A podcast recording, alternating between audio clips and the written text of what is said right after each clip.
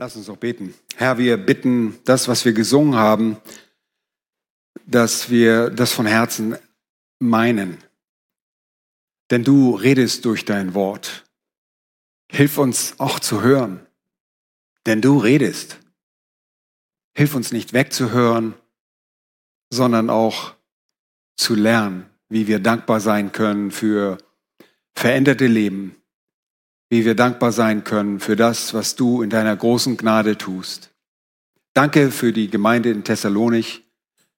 Danke, dass diese Gemeinde heute noch aktiv ist, dass es dort eine Gemeinde gibt, die deinen Namen groß machen möchte.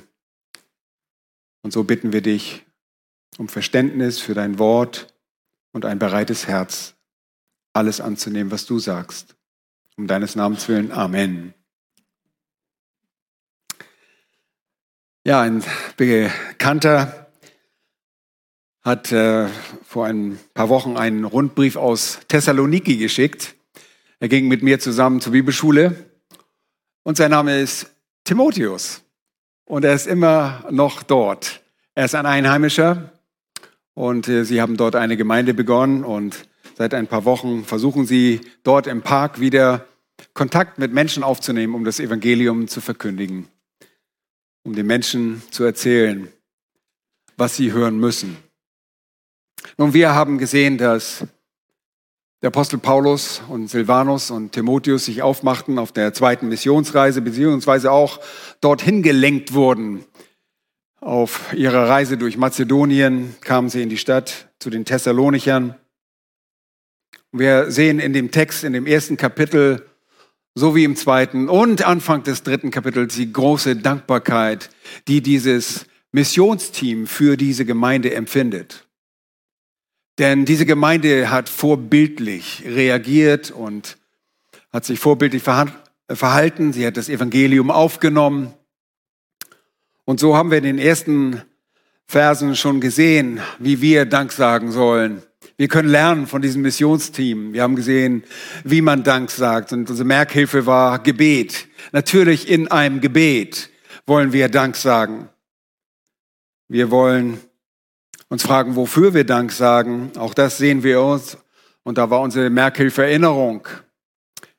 Paulus, Silvanus und Timotheus erinnerten sich an das Werk des Glaubens, an die Bemühung der Liebe, und an das standhafte Ausharren in der Hoffnung auf den Herrn Jesus Christus bei den Thessalonichern.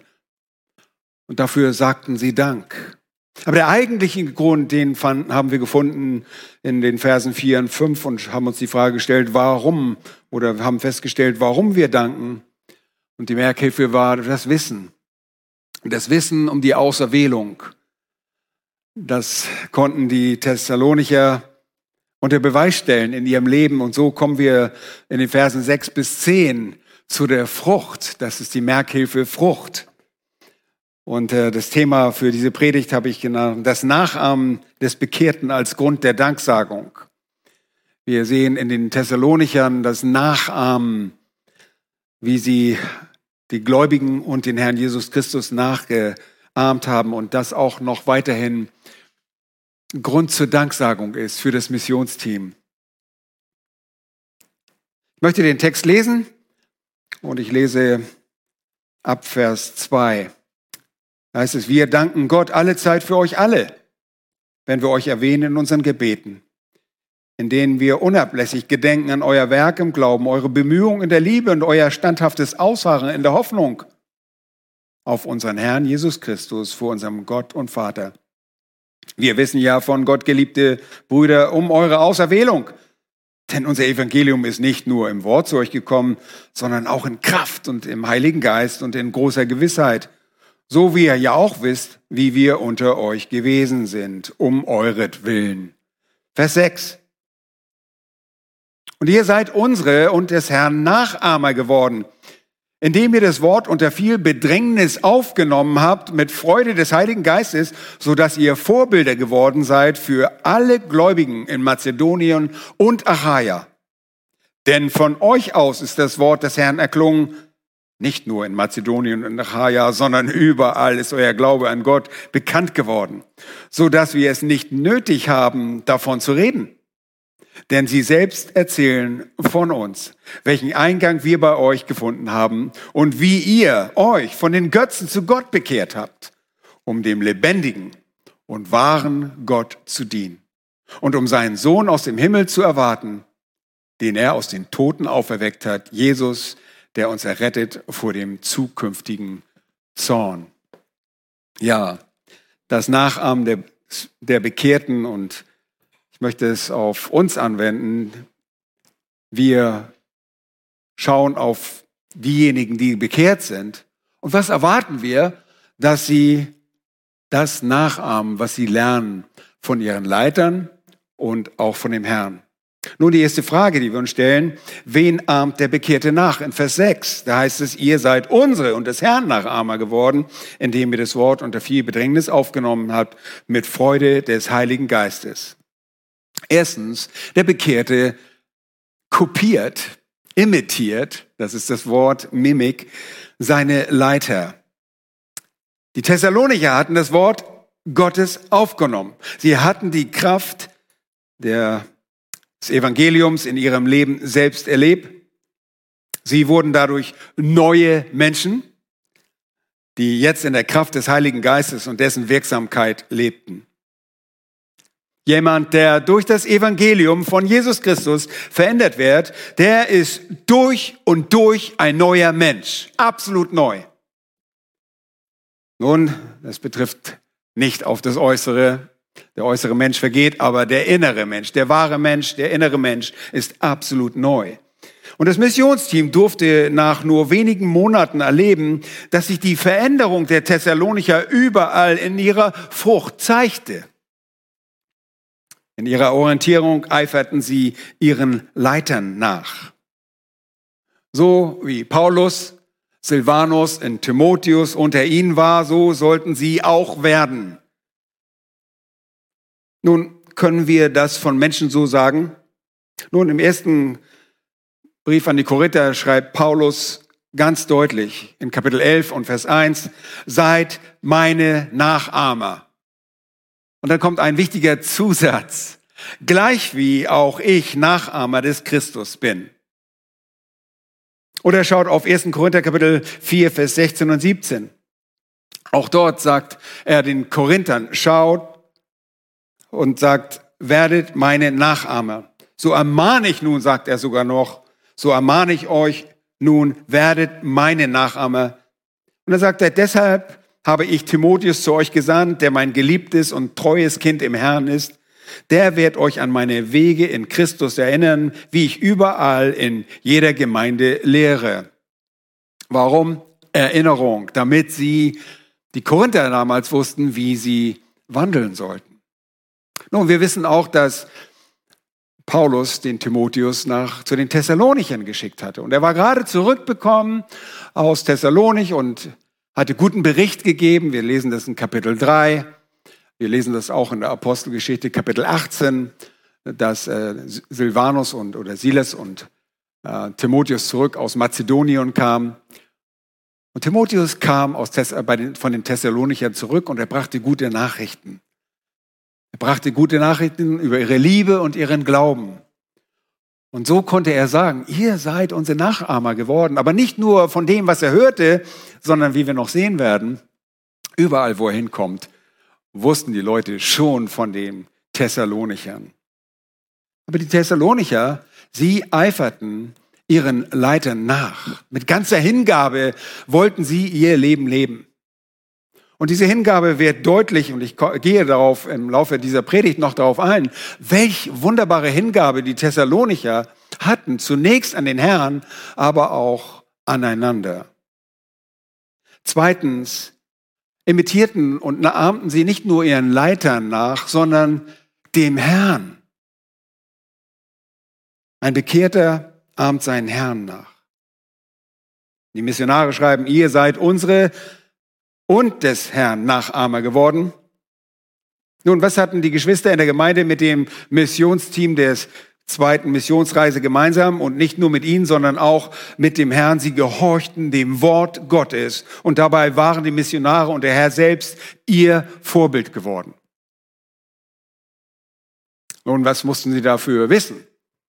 natürlich war Paulus dort und Timotheus dort und Silvanus dort und sie erzählten ihm von dem Herrn Jesus Christus. Das ist das Evangelium. Das Evangelium ist die Wahrheit über unseren Herrn Jesus Christus. Was er tat, wie er gelebt hat. Sonst hätten sie dem Herrn nicht nacheifern können. Und wenn du ein Kind Gottes bist, dann kommst du nicht in die Gemeinde, weil du es musst. Du kommst nicht zur Anbetung, weil man das als ein frommer Mensch ja, das sollte man irgendwie ja machen. Nein, du bist ein neuer Mensch und dein Wesen hat sich verändert. Und das war bei den Thessalonichern der Fall. Sie strebten danach. Sie waren eifrig. Und das zeigte sich einfach an ihrer Frucht. Und der Bekehrte hat eine neue Natur. Und du willst dem Herrn, deinen Gott, gefallen. Wenn du das nicht willst, dann musst du dein Glauben von Grund auf in Frage stellen. Um zu wissen, wie das geschieht, achtest du also auf das Wort Gottes. Du achtest auf solche, die schon länger im Glauben stehen. Du beobachtest ihr Leben. Denn sie folgen schon länger dem Vorbild des Christus und sie werden dir damit zu einem Vorbild. Als Junggläubiger brauchst du Orientierung. Na klar, du liest deine Bibel, aber du achtest auf andere. Wie setzen andere das um? Was machen die? Wie leben sie? Und dann kommt die Frage, wie liebt unser Herr Jesus Christus? Was haben die Missionare gesagt? Wie hat der Jesus Christus gelebt? Und so strecken sie sich aus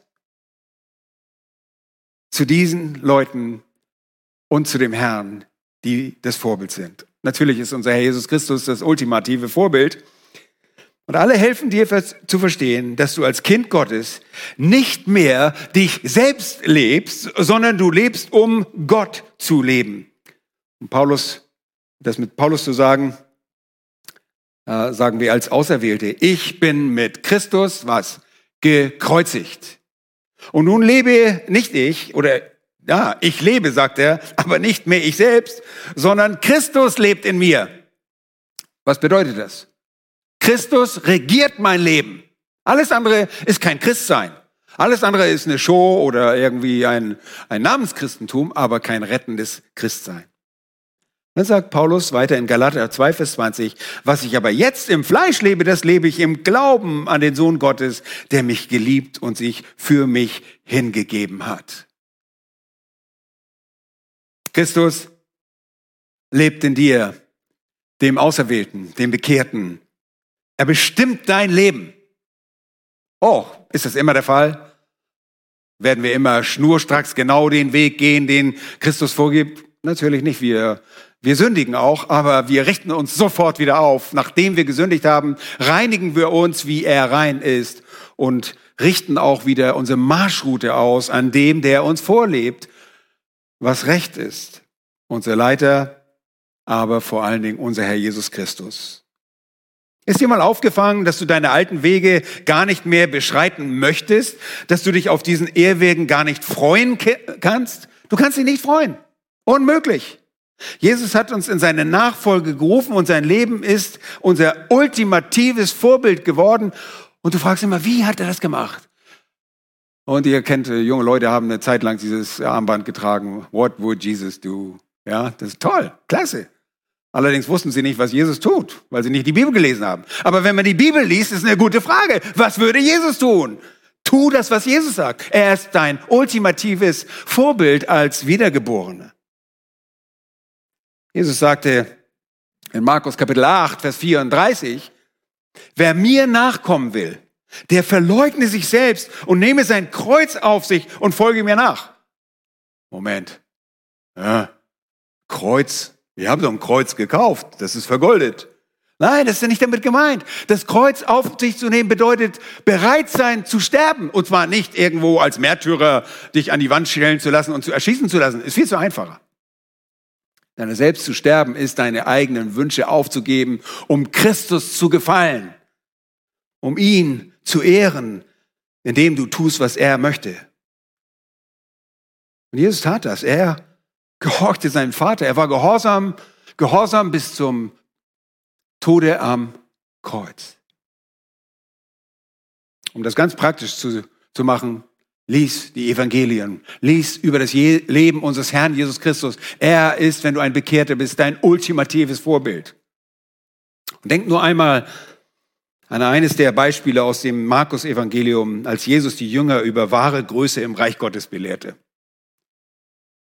Ja, wir haben heute ein bisschen andere Maßstäbe, aber da sagt er, unter euch soll es nicht so sein, die, ihr wisst, die argumentierten immer, wer der Größte ist. Und er sagt, nein, nein, wer von euch groß werden will, der sei euer Diener.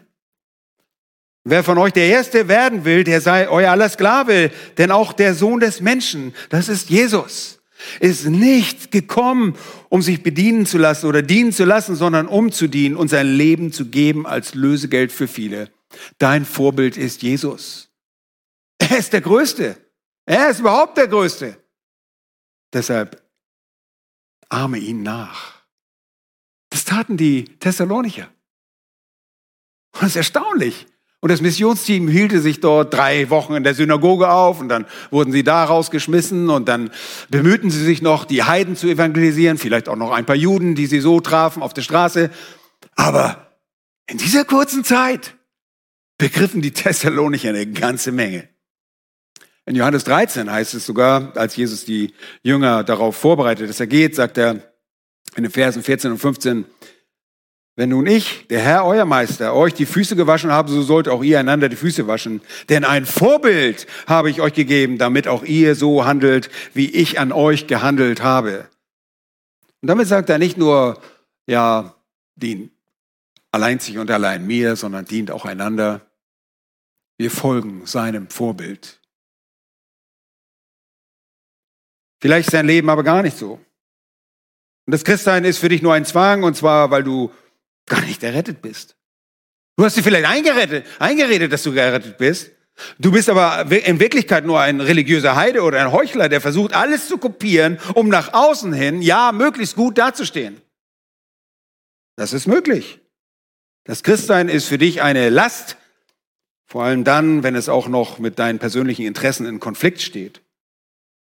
Und du möchtest deinen eigenen Willen leben und das passt irgendwie nicht zu dem, was wahre Geschwister für gut heißen. Ah, nicht nur das, was Gott für gut heißt und recht ansieht.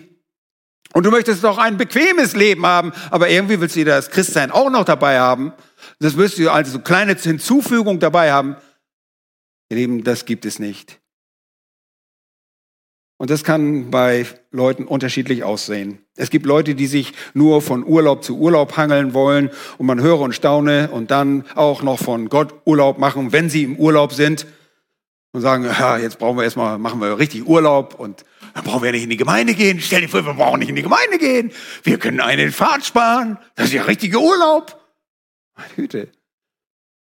Es ist außerordentlich weit verbreitet, dass Menschen sich bezüglich ihres Christseins täuschen.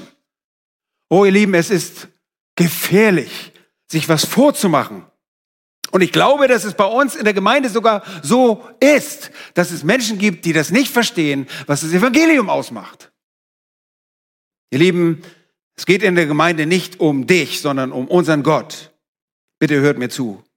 Getäuschte Menschen denken, dass weil sie durch ein paar rituelle Handlungen gegangen sind, oder weil sie immer noch durch rituelle äh, Handlungen gehen.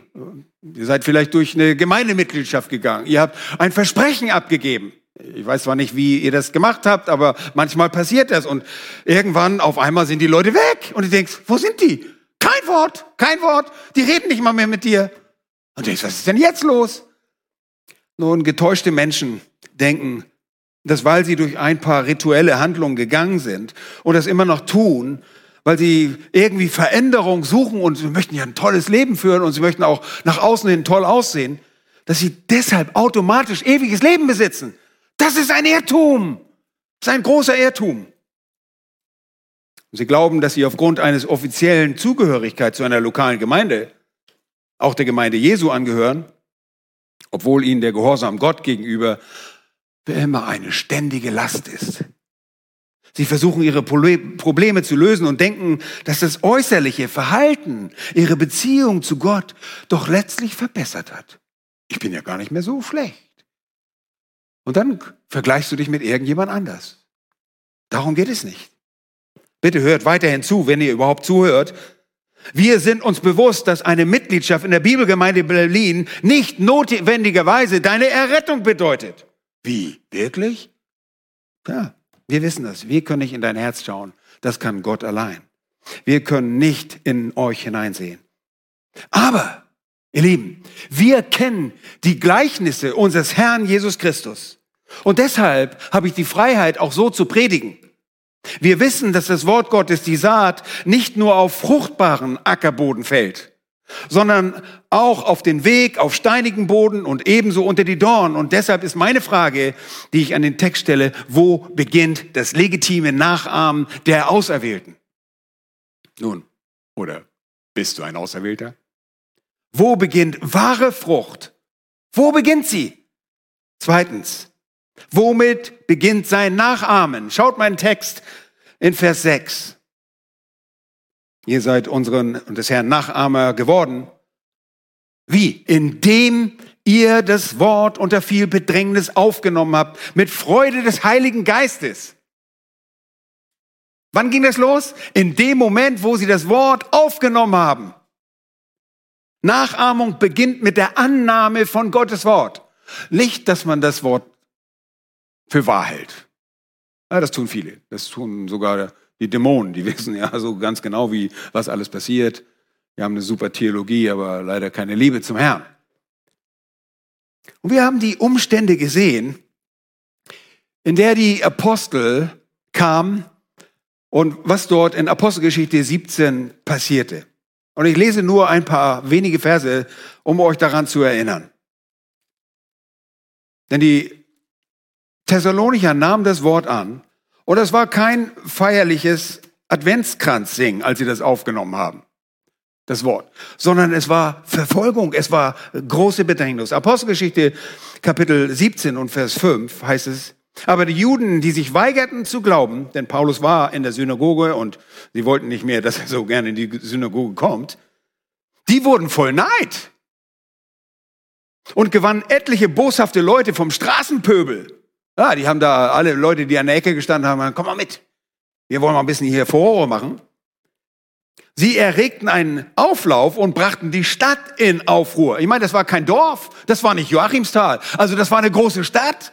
Die brachten die Stadt in Aufruhr. Und sie drangen auf das Haus Jasons ein und suchten sie, wen? Das Missionsteam, um sie vor die Volksmenge zu führen. Als sie sie aber nicht fanden, da schlappten sie den armen Jason, das Arme habe ich zugefügt, und etliche Brüder vor die Obersten der Stadt und schrien, diese Leute, die die ganze Welt in Aufruhr versetzen, auf einmal war Thessalonich die Welt. Interessant, oder? Die ist genauso. Wahrscheinlich haben die die Weltkarte gehabt und Thessalonich war genau in der Mitte. Aber das ist ja jedem Land so, ne? Deutschland ja auch. Äh, diese Leute, die die ganze Welt in Aufruhr versetzen, sind jetzt auch hier. Jason hat sie aufgenommen. Komisch, konnten sie aber nicht finden. Und doch handeln sie alle gegen die Verordnung des Kaisers, indem sie sagen, ein anderer sei König, nämlich Jesus. Sie brachten aber die Menge und die Stadtobersten, welche dies hörten, in Aufregung, so dass sie Jason und die übrigen nur gegen Bürgschaft freiließen. Die Anklagen gegen Paulus und Silas und ihre Gefährten beunruhigten natürlich die thessalonischen äh, Politiker, die Politarchen. Sie wollten keine Unruhen in der Stadt, aber offenbar fanden sie die Beweise für die Anschuldigung sehr dürftig. Ah, ist schlecht, ne? Hier, diese Leute bringen die ganze äh, Welt in Aufruhr. Wo sind die Leute? Können wir nicht finden. Sind nicht da. Oh, hm. das zieht irgendwie nicht, oder? Und schließlich waren Paulus und Silas, gegen die sie äh, sich die Anschuldigung richteten, nicht auffindbar. Und daher entschieden sich die Politarchen für ein gemäßigtes und vernünftiges Vorgehen. Sie ließen Jason und seine Begleiter eine Kaution hinterlegen und jene sollten ihnen sicherlich versichern, dass sich der Ärger nicht wiederholen würde. Und das bedeutete wahrscheinlich auch, dass Paulus und Silas Thessalonik, äh, Thessaloniki verlassen mussten und dass ihre Freunde das Versprechen abgeben mussten, zumindest während der Amtszeit der ansässigen Politarchen, dass sie nicht wiederkommen würden.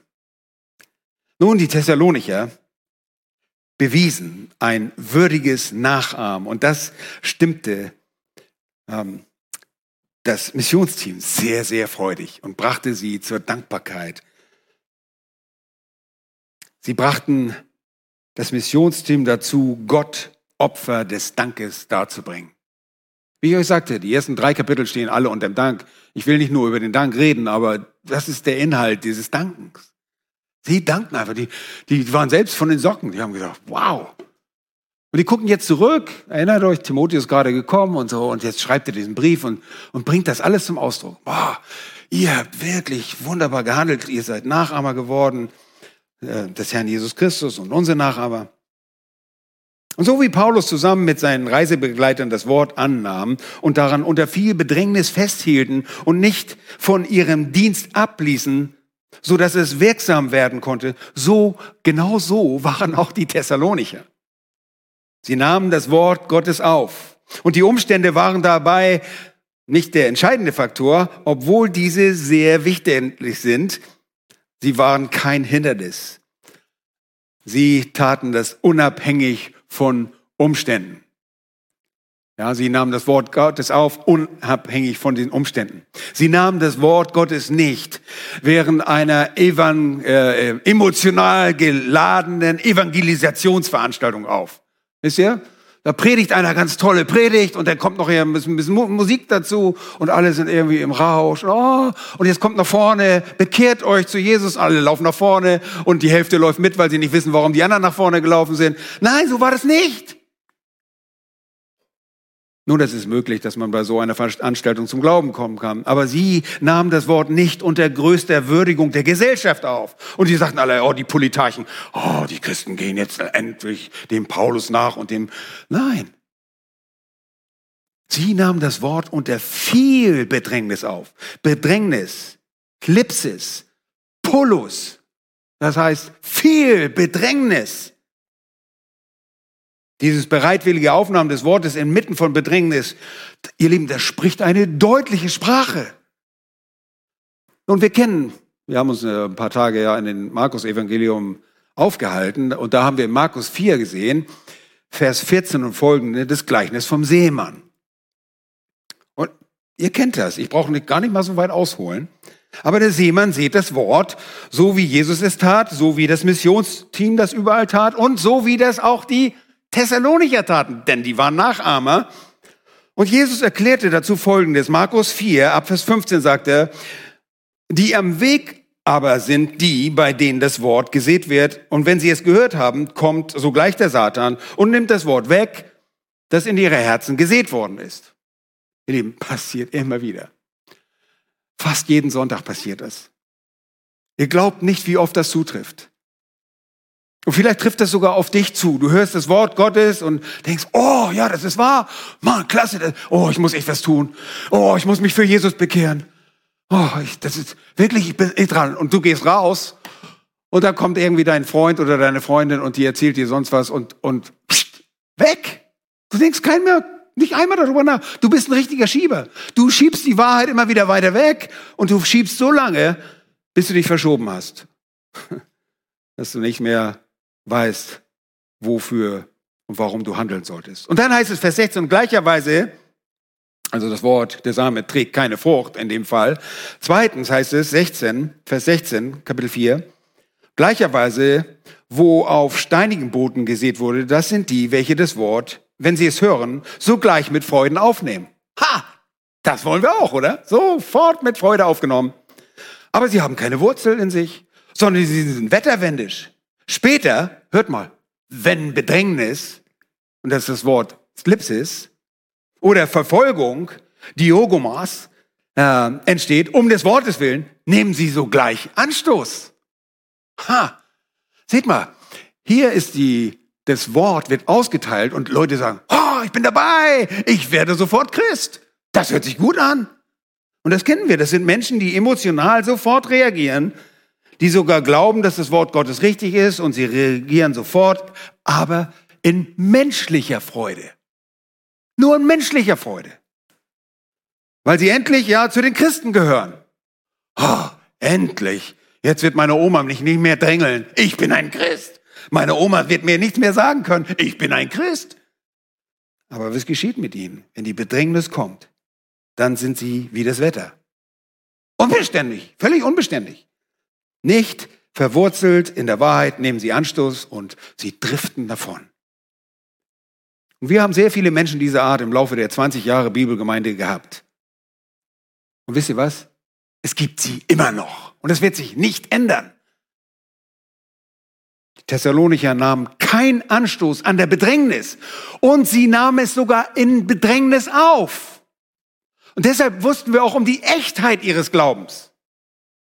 Ja, da stand nicht immer, oh, wenn du jetzt gläubig wirst, dann geht's, oh, dann, dann wirst du reich. Ja, es gibt ja alle möglichen Arten von Evangeliumsverkündigung heute, wo Leute in das Reich Gottes hinein manipuliert werden. Nee, hier, nichts Manipulation. Hier, wer ist Christ? Kriegst erstmal einen Satz Schläge. Willst du Christ werden? Kriegst du einen Satz Schläge. Okay, einverstanden? Ja, die ließen sie nicht ab, abhalten davon. Markus 4 geht es sogar noch weiter. Und die, bei denen unter die Dornen gesät wurde, das sind solche, die das Wort hören. Aber die Sorgen dieser Weltzeit und der Betrug des Reichtums, die Begierden nach anderen Dingen, dringen ein und ersticken das Wort und es wird unfruchtbar. Oh, das kennen wir auch. Menschen wollen nicht Nachahmer Jesu werden. Sie wollen lieber selbstbestimmendes, stimmend in die Verdammnis gehen. Ich will mein eigener Herr sein. Ja, du wirst als eigener Herr in die ewige Verdammnis gehen. Das kannst du haben. Aber so waren die Thessalonicher nicht. In Kapitel 2 ist das Missionsteam immer noch voll Dankbarkeit. Und dann lesen wir später in Kapitel 2, 1. Thessalonicher 2, da sagt er, ihr Brüder, ihr seid nach einmal der Gemeinden Gottes geworden, die in Judäa in Christus Jesus sind, weil ihr dieselben, dasselbe erlitten habt. Hört ihr das? Ich lese nochmal. Ihr seid Nachahmer der Gemeinden Gottes geworden, die in Judäa in Christus Jesus sind, weil ihr dasselbe erlitten habt von euren eigenen Volksgenossen, wie sie von den Juden. Seht ihr, die Thessalonicher erlitten das von ihren eigenen Leuten, so wie die damals äh, die Gemeinden in Judäa von den Juden. Sie litten und waren bedrängt. Aber wisst ihr, was sie taten? Sie nahmen das Wort Gottes auf mit Freuden. Aber welche Freude? Schaut mal genau hin. Mit Freude des Heiligen Geistes. Und ihr seid unsere Nachahmer und des Herrn Nachahmer geworden, indem ihr das Wort unter viel Bedrängnis aufgenommen habt mit Freude des Heiligen Geistes. Die Thessalonicher erlebten bei der Annahme des Wortes nicht eine weltliche Freude, eine Freude, die temporär in einem Lächeln ihren Höhepunkt findet, eine Freude, die durch irgendwelche günstigen Umstände im Leben abhängig war, Nein, sie nahmen das Wort trotz der bedrängnisvollen Umstände mit Freude des Heiligen Geistes auf. Und wenn da Freude des Heiligen Geistes steht, dann ist das eine Freude, die der Heilige Geist produziert. Das ist keine menschliche Freude, das ist die Freude, die der Geist Gottes aufgrund der Hingabe der Thessalonicher an Gott in diesen Thessalonichern, in diesen Gläubigen produziert. Wie? Du meinst, du kannst dich freuen, trotz Bedrängnissen? Ja. Ja, Gott, der Heilige Geist wirkte diese Freude und er tut es heute immer noch so. Und wenn wir zu Galater 6 gehen, dann lesen wir von der Frucht des Geistes und das fängt mit Liebe an und das zweite ist Freude. Freude. Hm? 5,22. Habe ich 6 gesagt? 5,22. Eins abziehen. Okay. Ein Punkt weniger für mich. Du kannst diese Freude erleben, wenn du dich dem Heiligen Geist ganz hingibst. Dann kannst du Freude des Heiligen Geistes, egal wie die Umstände sind, Freude ist bei uns nicht von Umständen abhängig. Du kannst diese Freude erleben, wenn du Gott vertraust und das Wort Gottes annimmst. Selbst wenn du dabei verprügelt wärst. Und wir erinnern uns, so kamen Paulus und seine Leute an. Aber ich wurde auch daran erinnert in, äh, an die Apostel in Apostelgeschichte Kapitel 5. Ich lese nur die zwei Verse vor, Kapitel 5 und Vers 40. Die Apostel werden von Hohen Rat gerufen und die sollen dann nicht verkündigen, sollen Jesus, sollen ihren Mund halten. Und äh, dann wird ihnen das auch noch irgendwie ganz physisch deutlich gemacht. da heißt es in Vers 40, Kapitel 5, 40. Sie riefen die Apostel herbei und gaben ihnen Schläge und verboten ihnen, in dem Namen Jesu zu reden und entließen sie ihn. Okay, wann hast du das letzte Mal Schläge gekriegt für deinen Glauben? Hm. Kommt nicht so oft vor. Vers 41. Sie nun ging voll Freude von dem Hohen Rat hinaus, weil sie gewürdigt worden waren, Schmach zu leiden, um seines Namens willen. Dann kommst du verprügelt aus so einer hohen Ratssitzung raus und du bist freudig. Ja, das heißt nicht, dass du unbedingt grinsen musst, aber du weißt einfach, weißt du was? Das war für Jesus. Ich ahme meinen Herrn Jesus nach. Ich tue das, wie er das gemacht hat. Er hat für mich gelitten. Ich bin bereit, auch zu leiden. Nun, wenn du realisierst, was du durch deinen Glauben gewonnen hast, nämlich, dass du mit dem Herrn Jesus Christus wirklich vereint bist, dann wirst du eine nachhaltige Freude haben, die nicht von der Gunst der Stunde abhängt. Der Bekehrte, der Auserwählte ist ein Nachahmer und bereit, Schmach um Christi willen zu erleiden. Drittens, wie äußert sich das Nachahmen des Erretteten? Und jetzt kommt wirklich in den Versen 6 bis 10 sehen wir die Frucht. Und unsere Merkhilfe ist einfach Frucht. Okay? Danksagung und Merkhilfe Frucht. Wie äußert sich das Nachahmen? Darin erstens, dass du aus dem Nachahmer ein neues Vorbild wird. Dass aus dem Nachahmer ein neues Vorbild wird. Und so schreibt, schreiben hier die Missionare, ihr seid Vorbilder geworden für alle Gläubigen in Mazedonien und Achaia. Ich meine, das war nicht äh, das Vorbild in Klein-Kleckersdorf und das nächste Dorf, sondern Mazedonien ist die römische Provinz im Norden Griechenlands und die erstreckt sich über einige Kilometer bis Achaia, der Provinz im Süden sind es 400, 500 Kilometer. Und überall, wo Paulus und seine Leute hinkamen, sagen, ah oh ja, ihr wart bei den Thessalonichern. Boah, das sind tolle Typen. Die haben den Herrn Jesus lieb. Hab schon gehört, wie, das, wie ihr da wart. Wisst ihr was? Sie ahmten das nach und wurden sofort selber Vorbilder. Die Leute guckten auf zu den Thessalonichern. Ich meine, da waren ja keine Jahre vergangen. Die waren gerade erst gläubig geworden. Vielleicht war Paulus und äh, Silvanus und Timotheus im Jahr 50 bei den Thessalonichern, jetzt ist er äh, bei den Korinthern in 51. Wir wissen das, weil Statthalter zu der Zeit Gallion war. Aber hey, es sind ein paar Monate vergangen. Und ihr Zeugnis verbreitet sich. Wer bekehrt, wiedergeboren und von daher ein Auserwählter Gottes ist, der ist nicht nur jemand, der irgendein Verhalten kopiert, sondern der Bekehrte ist zu einem neuen Leben erweckt worden, sodass das Verhalten sich wesensmäßig ändert. Nochmals, das ist ein großer Unterschied. wir haben gesehen, sie sind neue Gläubige und darauf angewiesen, wen sie nachahmen können. Und sie gucken sich die, ähm, das Missionsteam an und sie hören sich genau an, was Paulus sagt über den Herrn Jesus Christus. Ich meine, sie hatten das Alte Testament, konnten einiges über den Herrn im Alten Testament lesen, aber sie waren bestimmt sehr interessiert daran, was Paulus und seine Leute über den Herrn Jesus Christus zu sagen hatten. Sie sind Nachahmer ihrer geistlichen Leiter und des Herrn Jesus geworden. Und durch die Beständigkeit dieses Bestrebens formte sich ihr Charakter. Und der neue Gläubige wird jetzt zuletzt, innerhalb dieser kurzen Zeit, zu einem neuen Vorbild. Ich meine, danach streben wir doch, oder? Wir möchten, wenn das Evangelium bei euch Fuß fasst, dass ihr Vorbilder werdet. Für wen? Für alle anderen, nicht für die jungen Gläubigen, die dazukommen, aber auch in dieser Welt. Und so waren sie für alle Gläubigen in ganz Achaia und in Mazedonien Vorbilder. Nun, wie äußert sich das Nachahmen eines Gläubigen zweitens darin, dass aus dem Hörer ein Verkündiger wird? Schaut mal dort, Vers 8, das ist, glaube ich,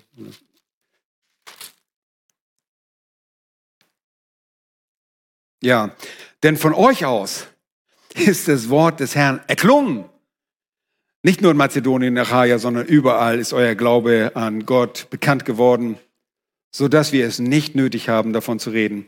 Denn sie selbst erzählen von uns, welchen Eingang wir bei euch gefunden haben und wie ihr euch von den Götzen zu Gott bekehrt habt, um dem lebendigen und wahren Gott zu dienen und um seinen Sohn aus dem Himmel zu warten, den er aus den Toten auferweckt hat, Jesus, der uns gerettet hat vor dem zukünftigen Zorn. Das sind die Ausmaße eines vorbildlichen Lebens. Die Bekehrten sind jetzt selbst Vorbilder. Und das in Vers 8 erwähnte Vers ähm, Wort, vielmehr das Verb erklingen oder erklungen, Das ist ein zusammengesetztes Wort und wörtlich hinaus erklingen. Es steht im Griechischen in der Septuaginta für einen lauten, dem Donner vergleichbaren Schall, der anhielt. Er immer wieder, immer wieder donnerte. Chrysostomus sah in dem Wort den Schall einer Trompete. So wie ein Blechinstrument einen Ton abgibt, fortlaufend, während die, sie da reinblasen, die Musiker natürlich, so waren sie bei der Verkündigung. Sie waren Verkündiger des Wortes. Und das waren sie sofort. Was sie gerade zuvor gehört und aufgenommen hatten, das wurde zum Inhalt ihrer Verkündigung. Und wir wissen, dass noch nicht alles ganz im Lot war. Paulus wollte gerne wieder zu ihnen kommen, um das zu vollenden, was noch an ihrem Glauben mangelte.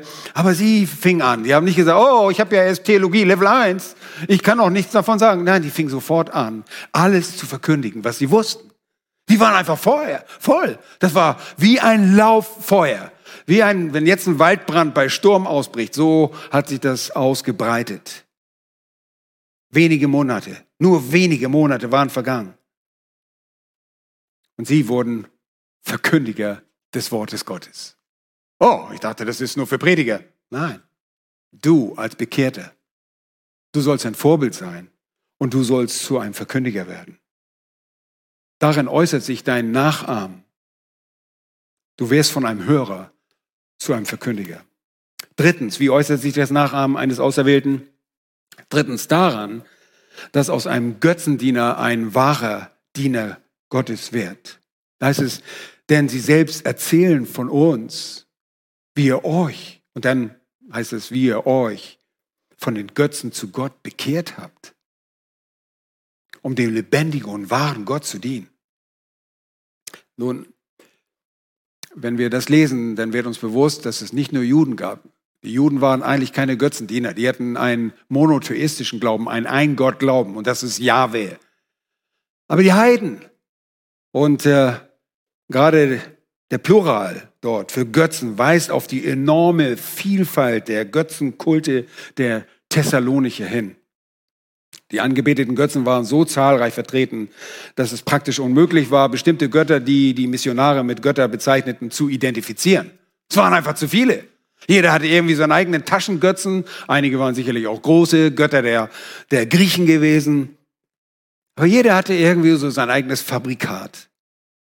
Jedenfalls impliziert die Bekehrung zu dem lebendigen und wahren Gott der Thessalonicher die Tatsache, dass Götzen weder leben noch wahr sind.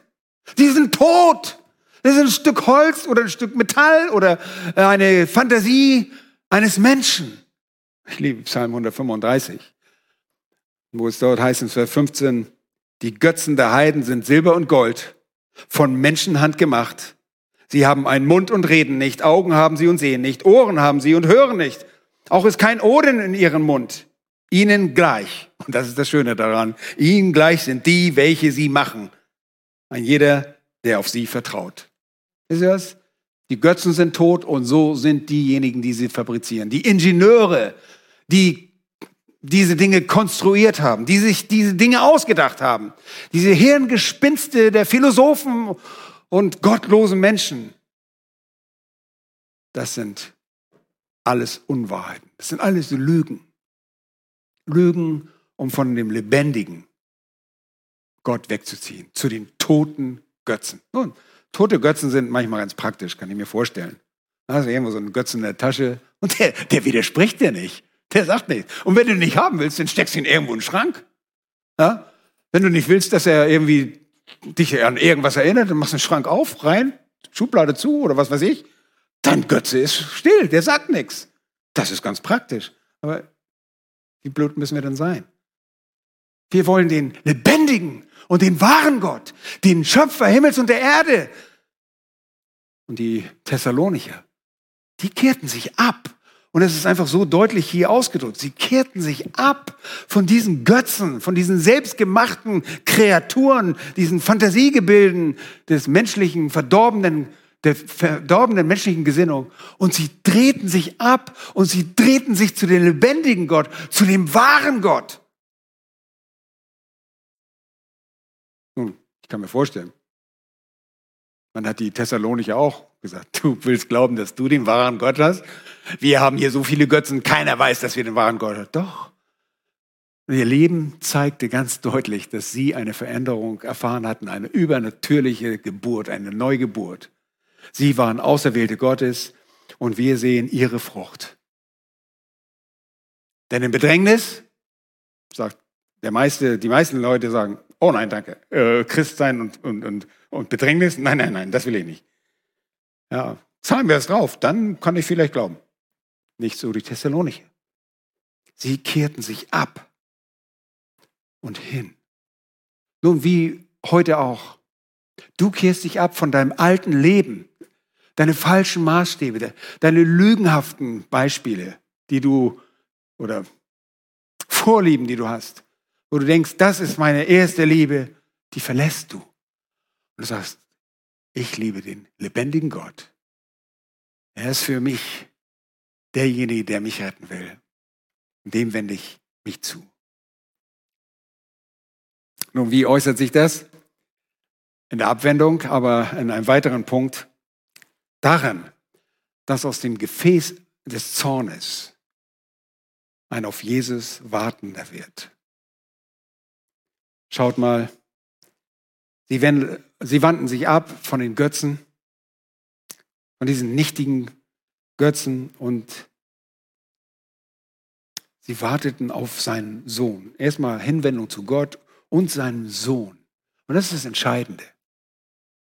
Sie waren keine Juden, sie waren keine jüdisch überzeugten, ähm, sondern sie waren Christen geworden. Juden, die sich zum Christentum hingewandt haben, zu Jesus Christus. Den Juden fehlte nur diese Person. Und das fehlte ihnen nicht mal. Sie mussten nur die Bibel richtig verstehen. Und so war Paulus dabei in den Synagogen und überzeugte die Leute anhand der Schrift, dass Jesus der Messias ist, der in den jüdischen Schriften ist. Das war nicht eine Neuerfindung des Neuen Testaments. Aber hier werden die Bekehrten zu solchen, die auf Jesus warten, um seinen Sohn aus dem Himmel zu erwarten. Und da wird eine kleine Beifügung, vielleicht nur ein bisschen nebensächlich, nein, ist nicht nebensächlich, schaut mal hin, den er aus den Toten auferweckt hat. Jesus lebt. Jesus ist der lebendige Gott, der uns errettet vor dem künftigen Zorn. Und da wird viel darüber diskutiert, was ist dieser Zorn.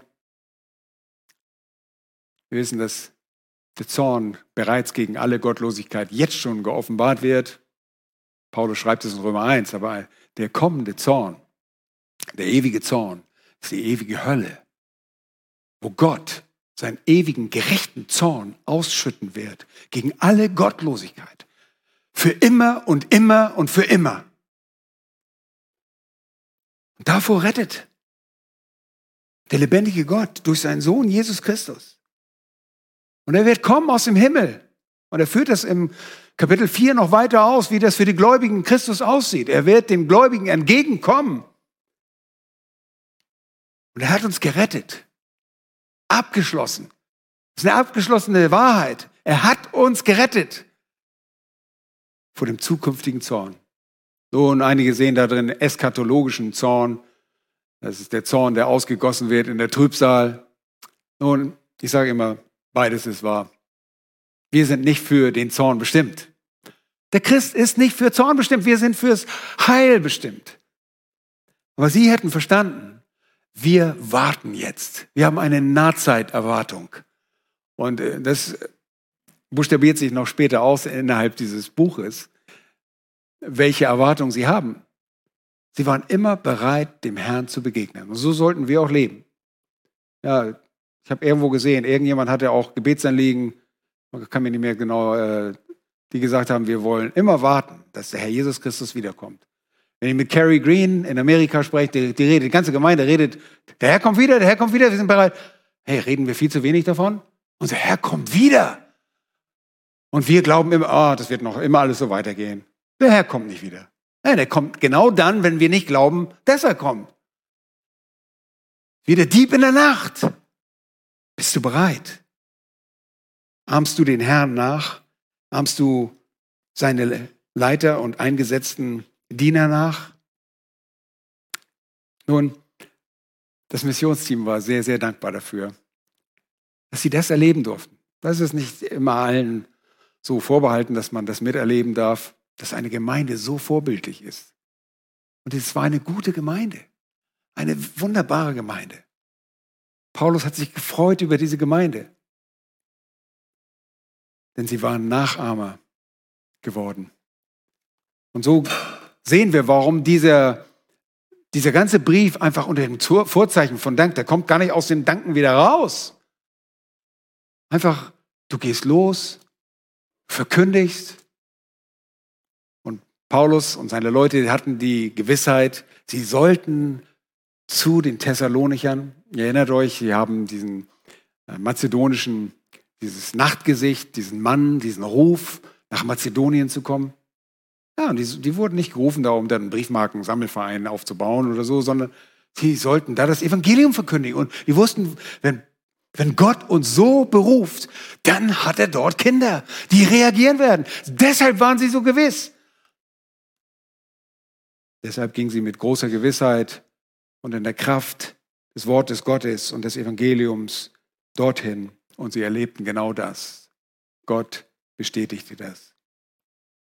Nun, das Nachahmen des Bekehrten ist auch für uns immer wieder ein Grund zur Danksagung. Wahre Bekehrung ist etwas Seltenes, aber bei Gott ist nichts unmöglich. Und wir möchten wirklich euch immer wieder ermahnen, prüft euch, ob ihr wirklich im Glauben steht. Oh ihr Lieben, wir wollen mit euch zusammen sein in Ewigkeit. Und noch mehr, wir wollen, dass ihr die Herrlichkeit des Herrn seht von Angesicht zu Angesicht. Wir möchten, dass ihr versteht, dass Christus gekommen ist und sein Leben gegeben hat, nicht damit ihr hier ein besseres Leben und Spaß habt und euch hier gegenseitig bespaßen könnt und ja, während alle anderen armen Menschen leiden, dir geht es gut, weil du Jesus kennst. Nun, dir geht es gut.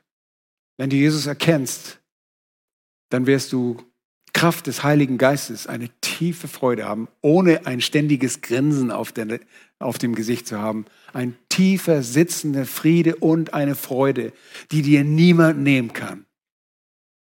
Wisst ihr was? Wo ich gerade Katrin sehe, die kam mit 18 Jahren in die Gemeinde. Und ja, was haben wir für Katrin gebetet? Und wir preisen den Herrn für Katrin, dass du zum Herrn stehst und ja, einfach ihn verherrlichen möchtest. Ja, lasst uns uns selber immer wieder prüfen. Bist du dir deines Heils gewiss, weil das, was du glaubst, auf Grundlage der Schrift ist? Setzt du dein ganzes Vertrauen in Christus? Oder was sind deine Motive? Oh, das ist so schwer, an unsere Motive ranzukommen. Du musst ehrlich mit dir sein. Du musst dir eine Auszeit nehmen. Und wisst ihr, was das machen kann? Lies die Bibel. Wir haben das heute wieder betont, auch bei den Männern im Männertraining. Wir müssen die Bibel lesen. Die Bibel hat die Macht, deine Gedanken zu knacken, dein Denken zu offenbaren. Wir können das selber nicht. Wir können zu dir kommen und sagen, bist du gläubig? Und du sagst ja. Weißt du was? Du kannst uns alles erzählen. Du kannst uns vom Pferd erzählen. Aber wenn du die Bibel liest, da wird Gott dir sagen, oh ja, ein Moment. Du bist nicht, du bist nicht, du bist nicht auf dem Weg. Du lebst dich selbst. Das ist die Kraft des Wortes Gottes.